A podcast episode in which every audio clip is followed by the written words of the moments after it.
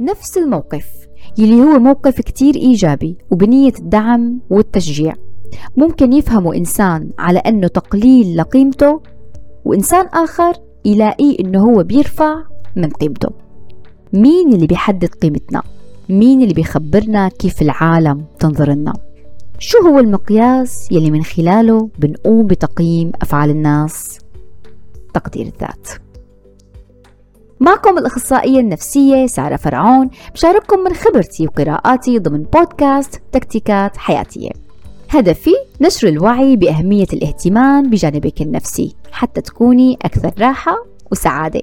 مواضيعي جديدة ومتنوعة وبعتمد بشكل أساسي على أبحاث ودراسات أجنبية حديثة. عنوان حلقة اليوم تقدير الذات.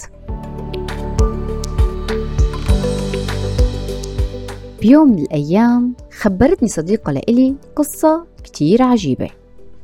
جرحتها كتير وخلت عندها إشارات تعجب أكتر.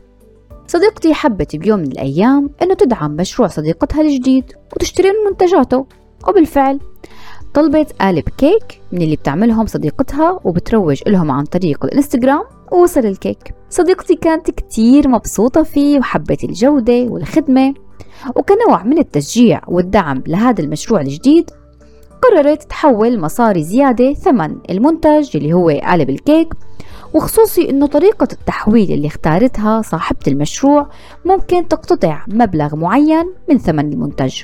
يعني ممكن صاحبة المشروع تستلم المصاري ناقصين. فتجنبا لهالمشاكل حبت صديقتي تحول زيادة شوي مصاري. بعد كم يوم بتتلقى صديقتي رسالة من صاحبة المشروع وبتسألها إذا كان حولت مصاري زيادة أم لا. صديقتي قالت لها صحيح أنا حولت مصاري زيادة بسبب كيت كيت. المفاجأة بقى إنه صاحبة المشروع تبدي امتعاضها الشديد لصديقتي وبتقلها بالحرف أنا مالي شحادة لحتى تحولي مصاري زيادة إلي. صديقتك لأنها كتير طيبة وبتحب تدعم الناس وقلبها على الناس. ما قدرت تتوقف عن البكاء. حكت لي القصة وقالت لي سارة شو رأيك؟ قبل ما أقول رأيي تذكرت قصة مشابهة جدا لهي القصة لكن بردة فعل مختلفة تماما. أحد مشاهير مواقع التواصل الاجتماعي بتذكر أنه مرة صار معها موقف شبيه كتير لهالموقف. هي بتقدم خدمات أونلاين وإجت زبونة وطلبت الخدمة. ولا بالصدفة تكتشف أنه هالزبونة ما لها بحاجة لهالخدمة أبدا. لكن هي طلبتها من شان تدعمها فقط وخاصة أنه كانت ما زالت ببداياتها. هاي الشخصية عم تحكي القصة وهي جدا مبسوطة وممتنة لهي الزبونة. نظرتنا للحياة ولتصرفات الناس معنا بتتأثر بكتير أشياء. أحد هاي الأشياء هي تقدير الذات. تقديرنا لذاتنا هو الفاصل يلي إما بيخلينا نفسر تشجيع الناس ودعمهم إلنا على إنه شي سلبي أو إيجابي. فلما إنسانة بتنظر لعملها على إنه شي عيب وبتفكر بطريقة إنه أنا محتاجة مصاري يا الله. ما بعرف العالم شو عم يحكوا علي شلون عم ينظروا لي. أكيد أكيد عم يشوفوني إني شحادة متسولة لأني عم أشتغل وبحاجة للمصاري. هاي الإنسانة اللي بتفكر بهي الطريقة أكيد حترفض أي دعم وتشجيع لأنه هي أصلا ما لها مقدرة ذاتها وعملها وبتشوف نفسها للأسف على أنها شحادة إذا اشتغلت. بينما الإنسانة اللي بتنظر لعملها على أنه إنجاز تحقيق لذاتها وفرصة لتحقق أحلامها وأهدافها وبتشوف نفسها على أنه بزنس وومن ناجحة. فهي أكيد رح تتلقى هالدعم والتشجيع بكل سرور وامتنان. ولهيك كمان مشروعها رح يكبر ويكبر وينجح أكثر لأنها آمنت بنفسها أول شيء قبل أي حدا تاني. تقدير الذات هو نظرتك لنفسك هو الإيمان بأنك شخص يستحق الحب بيستحق الأفضل دائما. هو أنك تقدري أفكارك مشاعرك معتقداتك أهدافك واهتماماتك. هو أنه يكون عندك القدرة على احترام مشاعرك السلبية وقت بتشعري فيها وما تحاولي تقضي عليها وتخفيها. تقديرك لذاتك بيلعب دور كبير بكيفية تعامل الآخرين معك.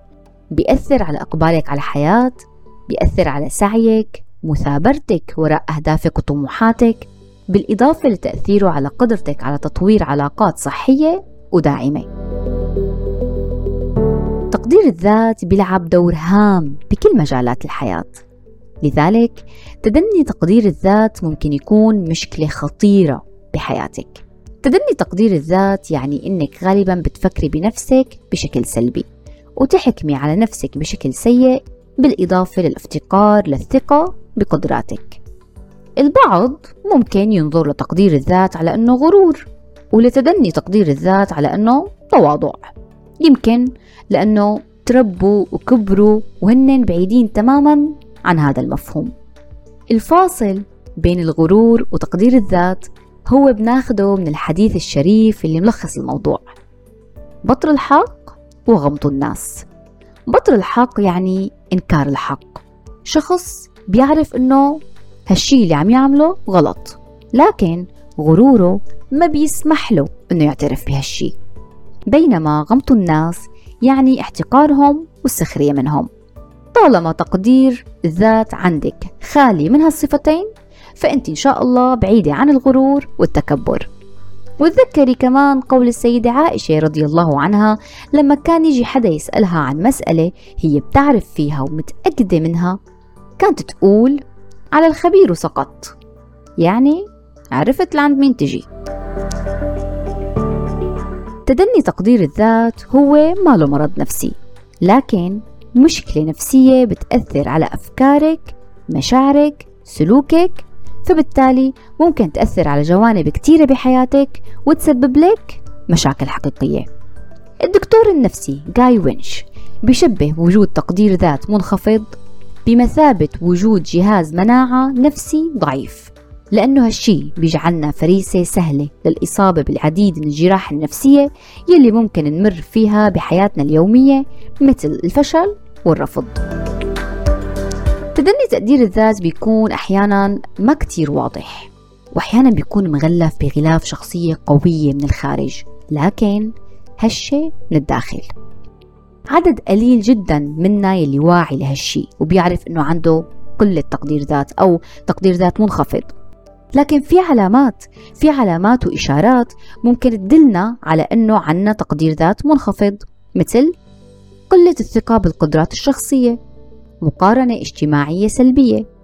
مشكلة بطلب المساعدة أو عدم القدرة على التعبير عن الاحتياجات. القلق والشك المستمر.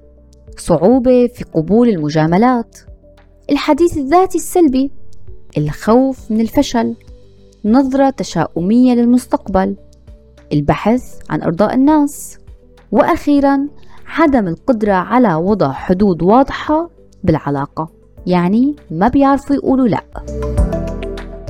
بالإضافة لهي العلامات وضع دكتور علم النفس رومانوف بجامعة نورث كارولاينا بعض الأسئلة اللي ممكن تقيس تقديرك لذاتك. هي الأسئلة هي إلى أي مدى بتحبي وبتحترمي وبتقدري ذاتك؟ شو هي الكلمات اللي بتستخدميها لتوصفي نفسك لشخص غريب؟ لما بتفكري بنفسك هل أفكارك إيجابية بشكل عام أم سلبية؟ أم ما بين بين؟ هل بتعتقدي أنك بتستحقي حب الآخرين واحترامهم واهتمامهم؟ هي الأسئلة بتساعدك على الغوص بأعماقك والتعرف على درجة تقديرك لذاتك. وأثناء استكشافك لهي الأفكار ممكن يكون المفيد جدا إنك تفكري بمصدر هي الأفكار بمصدر هي الأفكار والمعتقدات حول قيمتك الذاتية. تعالوا نحكي عن هي العلامات بشكل موسع أكثر. الأشخاص اللي عندهم تقدير ذات منخفض بيشعروا غالبا أنهم ما عندهم سيطرة على حياتهم والأحداث يلي بتصير معهم. بيشعروا أنهم ضحايا وما عندهم أي قوة لتغيير أو حل المشاكل يلي بيعانوا منها. وجدت الأبحاث أنه بالمواقف يلي بتشعري أنه بتملكي سيطرة قليلة على الأحداث مثل مثلا فقدان عزيز خسارة مالية خيانة صديق. العمل على زيادة تقديرك لذاتك ممكن يساعدك على تخفيف من بعض الآثار السلبية لفقدان السيطرة واللي بالنهاية بيفيد صحتك النفسية. لهيك لما بتشعري إنه ما عندك سيطرة على حياتك أو وضعك الحالي إيجاد طرق لرفع تقدير الذات عندك ممكن يساعدك كتير. العلامة الثانية لتقدير الذات المنخفض هي المقارنة الاجتماعية. مقارنة نفسنا مع الأشخاص الأحسن منا ممكن تكون مفيدة ببعض الأوقات لنحسن من أنفسنا أو لنشتغل أكثر يعني ممكن تكون ملهمة إلنا. بأوقات تانية ممكن تكون مدمرة وسيئة وبتسبب تدني بتقدير الذات. وسائل التواصل الاجتماعي كتير بتساهم بشكل سلبي بزيادة المقارنة الاجتماعية السلبية وبالتالي إلها تأثير كبير على خفض تقديرنا لذاتنا. القلق والشك بشكل دائم علامة أخرى لتدني تقدير الذات. فوجدت الدراسات أن الانخفاض بتقدير الذات بيجعل الإنسان قلق دائما ولأقل الأسباب وهالشي بسبب ارتفاع هرمونات القلق والتوتر عندهم. لهيك منلاحظ الأشخاص اللي عندهم تقدير ذات منخفض دائما قلقين حساسين لتصرفات الآخرين بشدة. فممكن إذا شاف المدير فجأة عابس بوجهه أو إذا صديق ألغى موعد بشكل مفاجئ ممكن هالشي يسبب له كتير إزعاج لأنه هدول الأشخاص بياخدوا الأمور على محمل شخصي. والشعور بالقلق والتوتر ممكن يزيد بعد اتخاذ القرار لأنه غالبا ما يشعر الأشخاص اللي بيعانوا من تدني قيمة الذات بالقلق من أنهم اتخذوا القرار الخاطئ. لأنهم بيشككوا من آرائهم وبيميلوا للامتثال للشيء اللي بيقوله الآخرين أكثر من إنه يتمسكوا بخياراتهم. وهالشي بيصعب عليهم إنهم يتخذوا قرارات بخصوص حياتهم. إشارة إضافية لتدني تقدير الذات وهي عدم قبول المجاملات من الآخرين. وجدت دراسة نشرت عام 2017 بمجلة بعلم النفس الاجتماعي التجريبي أنه تدني تقدير الذات بيرتبط ارتباط مباشر بعدم القدرة على قبول مجاملات الآخرين أو الاستفادة منها لأنها ببساطة ما بتنسجم مع تصوراتهم لذاتهم إذا أنا مثلا كنت بنظر نفسي على أني شخص غير نافع وغير منجز وإجا حدا قال لي عكس هذا الشيء كيف بدي صدقه؟ حكيه ماله منسجم مع تصوري وحكي مع ذاتي هاي الأفكار والتصورات السلبية ممكن تجي من الحديث الذاتي السلبي لأنه الأشخاص اللي بيعانوا من تقدير ذات منخفض بيركزوا أكثر على نقاط الضعف اللي عندهم بدل ما يركزوا على نقاط القوة.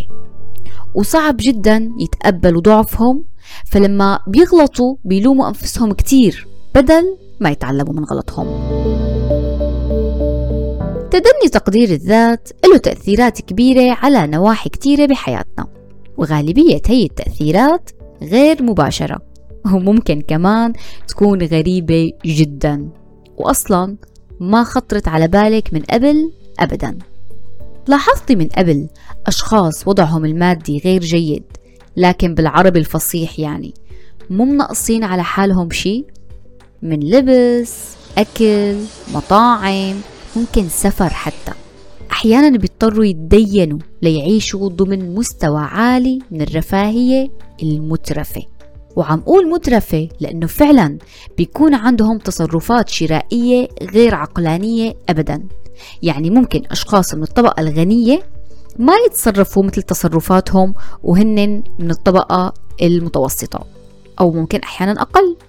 مثلا بتلاقيهم عم يشتروا كراتين مياه معدنية بدل ما يركبوا فلتر بالبيت أو كولر.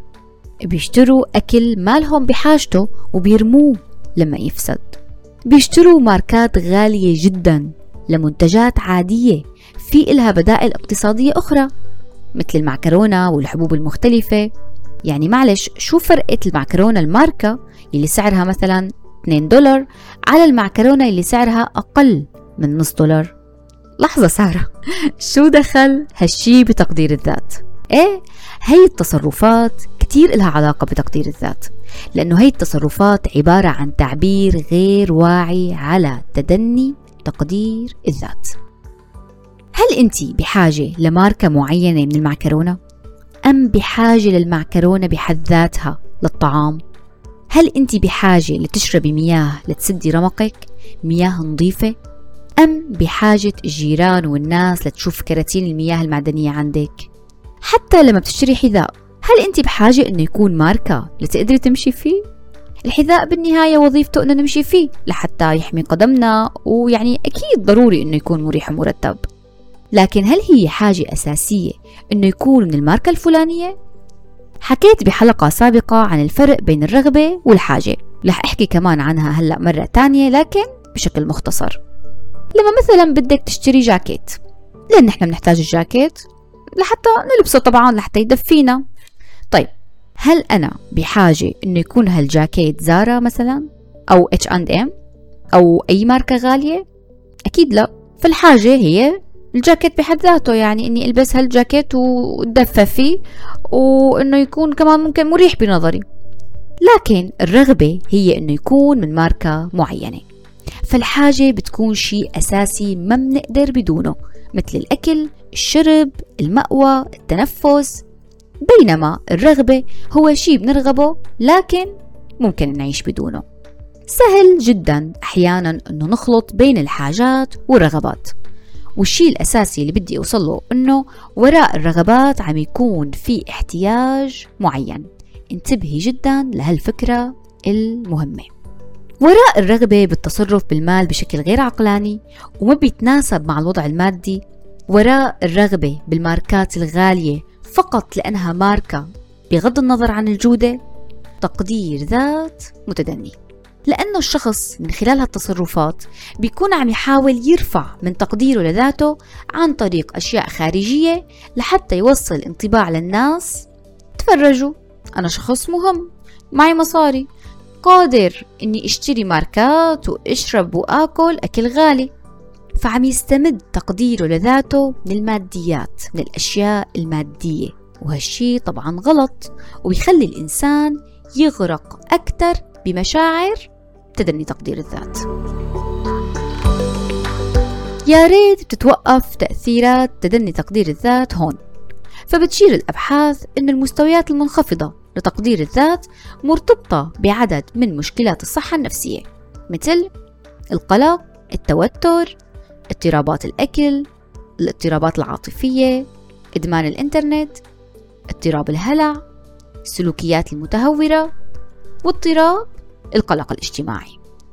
ممكن كمان إنه يلعب تدني تقدير الذات دور بتطوير بعض الاضطرابات النفسية مثل الاكتئاب.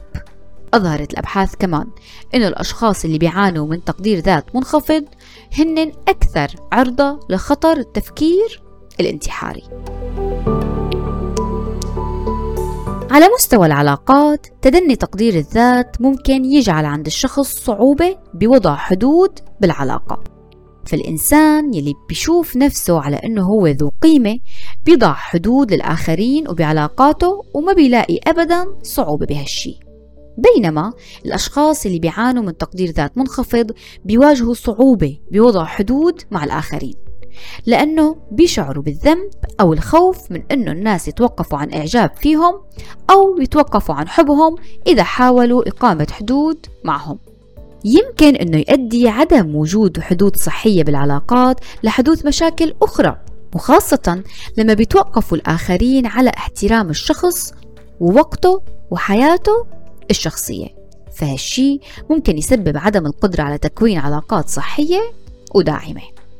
بالإضافة لهالشي توصلت الأبحاث لأنه الأشخاص اللي بيعانوا من تدني تقدير الذات غالبا ما بيقوموا بتصرفات لجلب عطف ودعم الآخرين مثل ادعاء المرض والتصرف بشكل حزين. لكن للأسف بتميل هي السلوكيات لنتائج عكسية بدل من الحصول على الدعم والتشجيع المرغوب فيه بينتهي الأمر لتوليد ردود فعل سلبية من قبل الأشخاص الآخرين. فتدني تقدير الذات ممكن يدمر الإنسان على صعيد كل جوانب حياته. النفسية الجسدية الاجتماعية الاقتصادية والعاطفية. وفينا نشوف هذا الشيء عن طريق السكوت عن الضرب أو العنف الجسدي أو النفسي تقبل الإهانات وتحبيط المعنويات من الزوج الدخول بعلاقات سامة وغير صحية كلها من تأثيرات تقدير الذات المنخفض.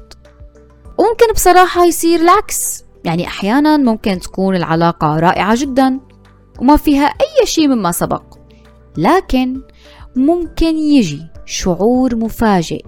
بيولد. شكوك اتجاه مودة الأشخاص يلي من حولك. هالشكوك ما لها أي دليل وظهرت فجأة. ظهرت فجأة دون أي حدث أو سابق إنذار.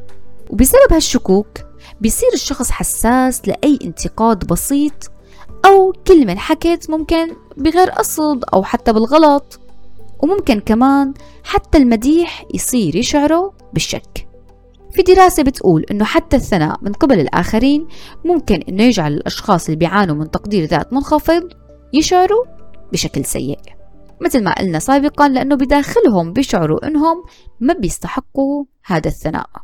فتخيلي تدني تقدير الذات ممكن يدمر زواجك أو علاقتك مع خطيبك أو الشخص اللي بدك ترتبطي فيه مهما كانت سعيدة. لأنه الشخص اللي بيعاني من تقدير ذات منخفض بيكون عنده اعتقاد داخلي إنه ما بيستحق السعادة. كيف بيبدأ هالسفاح الشرير بالتسرب لشخصياتنا والعبث وتدمير حياتنا؟ وفقا للأخصائية النفسية سابرينا رومانوف وجدت أنه بعض العوامل اللي ممكن تأثر على تقدير الذات هن المعتقدات والقيم. الأفكار والمشاعر الصحة النفسية تجاربنا وخبراتنا مع الآخرين العلاقات الاجتماعية اللي مرينا فيها سابقا واللي نحن الآن موجودين فيها. صحتنا الجسدية ولياقتنا البدنية الأنشطة يلي بنمارسها وهواياتنا المختلفة. وأخيرا تجارب الطفولة واللي هي من أهم هي العوامل. بناء تقدير الذات بيبدأ من الطفولة. تقديم الهدايا والمكافآت للطفل وقت الحصول على علامات عالية بالمدرسة تشجيع الطفل على المنافسة مع الآخرين كل هي التصرفات بتساعد على بناء تقدير ذات متدني عكس ما هو شائع. لأنه هي التصرفات بتربط تقدير الذات بالأشياء الخارجية والإنجازات المتعلقة بالناس بدل التركيز على ذاتنا الداخلية. مثلا فينا نكافئ الطفل لما يبدي سلوك فيه صبر أو مثابرة. هون نحن عم نكافئه على شيء داخلي هو قام فيه وبذل فيه مجهود بدل ما نكافئه على شيء خارجي بيسعد فيه الناس. بالإضافة طبعا لتصرفات مثل لا تبكي بلعة هلأ بلعة أنت رجال خلص لا تبكي. طيب معلش خلص خليهم يلعبوا بألعابك شو حيصير يعني كمان؟ هي التصرفات بتقلل كمان من قيمة مشاعر الطفل وحاجاته الداخلية فبنكبر ومنضل بنأنكر هي المشاعر والاحتياجات. لذلك بناء تقدير ذات مرتفع بيبدأ من الطفولة. لكن هل يعني هالشي إنه نحن حاليا ما بنقدر نرفع من تقديرنا لذاتنا؟ طبعا لا. في كتير طرق وتمارين ممكن تساهم برفع تقديرنا لذاتنا. بما أنه تدني تقدير الذات أحد أسبابه هي هو التركيز على نقاط الضعف فممكن أن نرفع تقدير الذات عنا عن طريق التركيز على نقاط القوة والأشياء الجيدة الموجودة فينا. في تمرين رائع جدا بيوصف فيه الدكتور النفسي مارتن سيليغمان مؤسس علم النفس الإيجابي. شو عمل سيليغمان؟ قام الدكتور سيليغمان بمراقبة الأشخاص اللي قاموا بهالتمرين. وجد بأنه بعد ست شهور زادت عندهم نسبة الشعور بالرضا وصاروا أكثر رضا عن حياتهم وشعورهم بالاكتئاب قل بنسبة كبيرة. هالتمرين هو تمرين الامتنان ويلي هو عبارة عن كتابة ثلاث أشياء جيدة حصلت معك خلال اليوم. مو بالضرورة تكون إنجازات كبيرة وأشياء عظيمة فممكن تكون أشياء كتير بسيطة. مثلا اليوم استمتعت بالمشي بالحديقة استمتعت بوجبة العشاء أو شعرت بالفخر بالمديح يلي تلقيته من صديقتي. قيمة هالتمرين بتكمن إنه بيخليكي تتذكري الأشياء الإيجابية يلي حصلت معك خلال اليوم ومع الوقت بيتحول هالشي لعادة عندك. عادة التركيز على الأشياء الجيدة الموجودة بداخلك وبحياتك كمان. وخصوصي نحن كبشر عنا عادة التركيز على الأشياء السلبية أو فينا نقول عن نواقص. جيبي هلأ ورقة وقلم ورقة بيضة وبهالقلم ارسمي نقطة سوداء بنص هالورقة البيضة. شو حتلاحظي بهالورقة؟ أول شي حتلاحظي هو النقطة السوداء. هي عادة موجودة فينا. اهتمي بنفسك. تدني تقدير الذات ممكن يشعر الإنسان ببعض الأحيان أنه ما بيستحق الرعاية والاهتمام. ذكري نفسك دائما أنك بتستحقي العناية والدلال كمان. إحدى طرق ممارسة الرعاية الذاتية هي إنك تقضي بعض الوقت بفعل أشياء تستمتعي فيها. طلعي تمشي. إذا بتحبي هالشي طبعا خصصي وقت لتشربي فنجان قهوة مع صديقتك المقربة أو مارسي هوايتك المفضلة. بيتضمن كمان الاعتناء بنفسك تخصيص وقت للراحة والاسترخاء بانتظام. وإعطاء جسمك وعقلك وقت ليكون مسترخي. وفاضي وما عم يفكر بشي. أو ممكن يكون بس عم يفكر بالأشياء اللي حصلت معك خلال اليوم ليقدر يعيد تجميع تركيزه. الاهتمام بالنفس كمان بيتضمن الرفق بالنفس وإنك تكوني متسامحة مع ذاتك. إذا كنتي بتميلي للتفكير بشكل دائم بأخطائك وإخفاقاتك فتعلمي كيف تسامحي نفسك. تعلمي تسامحي نفسك وقت ما بتنجحي بأداء مهمة معينة أو ما بتنجحي بتحقيق هدف معين. هالشي كتير بيساعدك مع الوقت على قبول ذاتك والتخلي عن فكرة إنك بحاجة إنه تكوني مثالية حتى تكوني ذات قيمة. إذا كنت عم تشعري بهالشي فحيكون من المفيد جدا العمل على تقبل نفسك مثل ما انت. قبول ذاتك ما بيعني إنه ما يكون عندك أهداف أو خطط بدك تحققيها بالمستقبل. قبول الذات بيكون بتقبل فكرة إنك إنسان إنك بشر. والإنسان ضعيف إنسان ضعيف محتاج وناقص. مستحيل ما يكون مر أي إنسان بإحدى هاي الحالات. وإلا كان صار إله حاشا لله. وفي نوع جميل كتير ولطيف من الاهتمام بالنفس. بيتجلى بالاحتفال بإنجازاتك الشخصية. ما عم أحكي عن الإنجازات الكبيرة والأشياء العظيمة. لا ممكن مثلا قضيتي يوم لطيف بدون أفكار سلبية؟ هذا إنجاز. تجنبتي خناقة مع صديقتك أو أمك أو حتى زوجك مع أنهم استفزوكي كتير؟ هذا إنجاز خارق. مكافأة النفس على هالانتصارات الصغيرة بيرفع كتير من تقديرك لذاتك. بتذكر لما كنت صغيرة شاهدت مقابلة تلفزيونية مع امرأة عربية قامت بتسلق جبل إيفرست أعلى قمة بالعالم. وكانت كتير سعيدة وفخورة بهالشي. سألوها إنه في ناس ممكن تقلل من قيمة هالإنجاز باعتبار إنه ما قدم شي للبشرية. فبتقول المتسلقة فكرة إنه تحديت نفسي ونجحت بهالشي بيعطيني تقدير كبير لذاتي. أنا طبعا ما عرفت شو بتقصد بتقدير الذات بس استغربت جدا من ردها ومن ثقتها بنفسها وضل عالق بذهني. بدراسة نشرت عام 2017 بمجلة أكاديمية الولايات المتحدة الرياضية وجدت أن الأشخاص يلي كانوا يمارسوا رياضة قبل الدخول للجامعة كانت نسبة تقديرهم لذاتهم ومعدل سعادتهم أعلى من الأشخاص يلي ما كانوا يمارسوا الرياضة. وبدراسة أخرى. قامت بسويسرا وأمريكا اللاتينية وجدت كمان أنه في علاقة بين ممارسة الرياضة وارتفاع تقدير الذات بالإضافة للسعادة. يعني بالفعل في رابط بين الرياضة وتقدير الذات. بصراحة الرابط بينهم منطقي جدا. فأثناء ممارسة الرياضة بيفرز جسم الإنسان مادة الأندروفين واللي هي نفس المادة يلي بيفرزها الجسم أثناء تعاطي المخدرات. وهي بتخلي الإنسان يشعر بالسعادة وينظر لنفسه بطريقة إيجابية. فالرياضة تأثيرها ما بيقتصر بس على تقدير الذات فقط. الرياضة تأثيرها بيشمل صحتك النفسية كلها. ممارسة الرياضة مو ضروري يكون بالجيم أو بالنادي أو باستخدام أجهزة ومعدات معينة. الرياضة ممكن تكون عن طريق استخدام الدرج أو السلم بدل الأسانسير. لما تعملي هاي الأشياء بنية إنك عم تحركي جسمك وبنية الرياضة رح تلاحظي مفعولها مع الوقت على نفسيتك وتقديرك لذاتك.